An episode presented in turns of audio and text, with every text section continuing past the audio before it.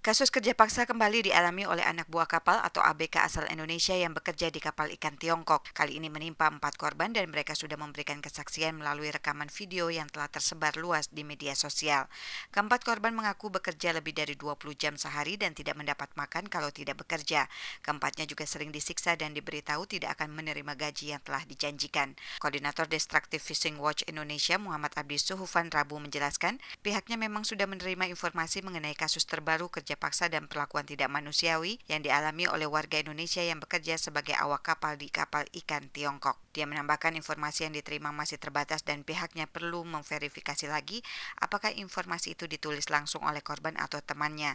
Menurut Abdi, dalam kasus terbaru kerja paksa di kapal ikan Tiongkok ada empat orang Indonesia yang menjadi korban. Itu kejadiannya menimpa empat orang ABK atas nama Soekarto, Irgi, kemudian Putra Nampitupulu dan Gali. Itu masing-masing dari Tegal, dari Cianjur, dari Medan dan dari Tasik. Mereka diberangkatkan oleh PT Raja Kru Atlantik itu domisili di Tegal. Nama kapal yang mereka bekerja itu namanya Lian Liao Yuan Yu 03 dan melakukan operasi penangkapan ikan di Laut Pasifik. Keempat ABK asal Indonesia yang menjadi korban kerja paksa itu menerima kontrak kerja 2 tahun mulai 6 November 2019 hingga 6 November 2021. Sesuai kontrak mereka dijanjikan gaji 300 US dollar per bulan.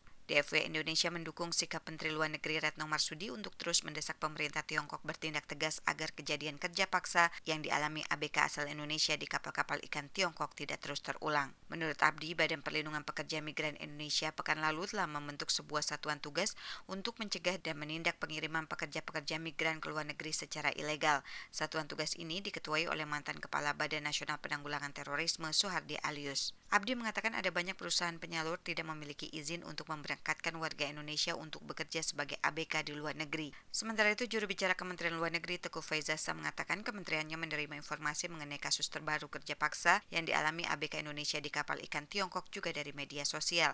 Dia menambahkan Direktorat Perlindungan Warga Negara Indonesia Kementerian Luar Negeri sudah mencoba mengontak nomor perusahaan yang mengirim keempat korban kerja paksa itu namun sampai sekarang belum berhasil. Di samping itu, Kementerian Luar Negeri juga telah menghubungi Kementerian Perhubungan dan Kementerian Tenaga Kerja untuk meminta informasi tentang perusahaan yang memberangkatkan keempat ABK asal Indonesia tersebut. Namun informasi awal tampaknya mereka juga tidak terdaftar di Kemenaker ataupun di Kethub. Namun secara paralel juga kita telah menghubungi kedutaan besar kita di Beijing untuk melakukan komunikasi dengan otoritas. Sejauh ini Kedutaan Besar Republik Indonesia di ibu kota Beijing, Tiongkok belum menyampaikan informasi mengenai kasus kerja paksa yang menimpa empat ABK Indonesia di kapal ikan Tiongkok. Dari Jakarta, Fatia Wardah melaporkan untuk VOA Washington.